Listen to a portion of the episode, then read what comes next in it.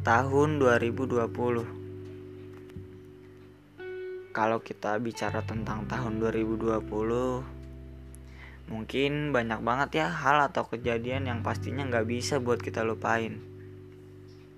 Entah itu hal atau kejadian yang baik hal atau kejadian yang buruk ataupun hal dan kejadian yang biasa aja karena menurut sebagian orang tahun 2020 ini dicap sebagai tahun yang paling berat. Gimana nggak berat ya? Yang di awal tahun kita punya rencana dan planning yang bagus, tiba-tiba harus kepaksa berhenti dan stuck di tempat karena adanya suatu wabah, virus atau pandemi yang merambat dengan cepat.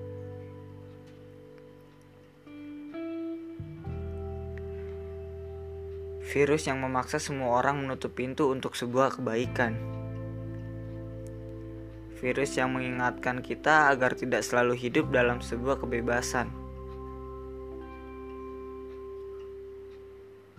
Virus yang bisa jadi alarm sekaligus bumerang untuk semua orang yang selalu menabruk sombongan.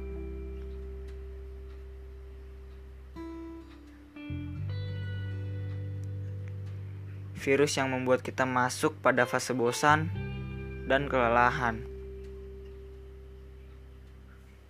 Iya, kelelahan.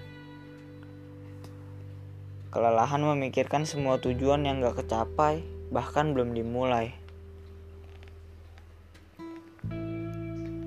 Kelelahan menghadapi ujian dan tekanan yang cukup berat.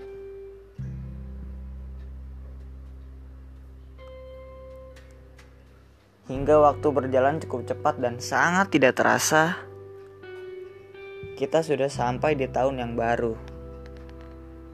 Iya, tahun 2021. Meninggalkan tahun 2020.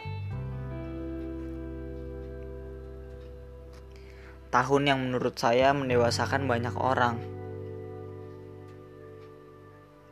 Karena Meskipun banyak hal yang gak sesuai rencana,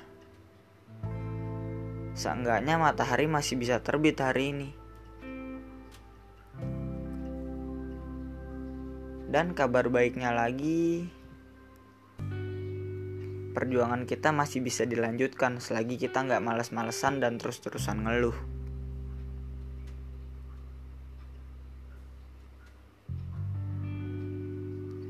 Terima kasih untuk 2020. Terima kasih untuk hari-hari berat yang memudarkan rencana yang nyatanya tidak pernah terlaksana. Terima kasih atas pembelajaran betapa berat gagal berkali-kali.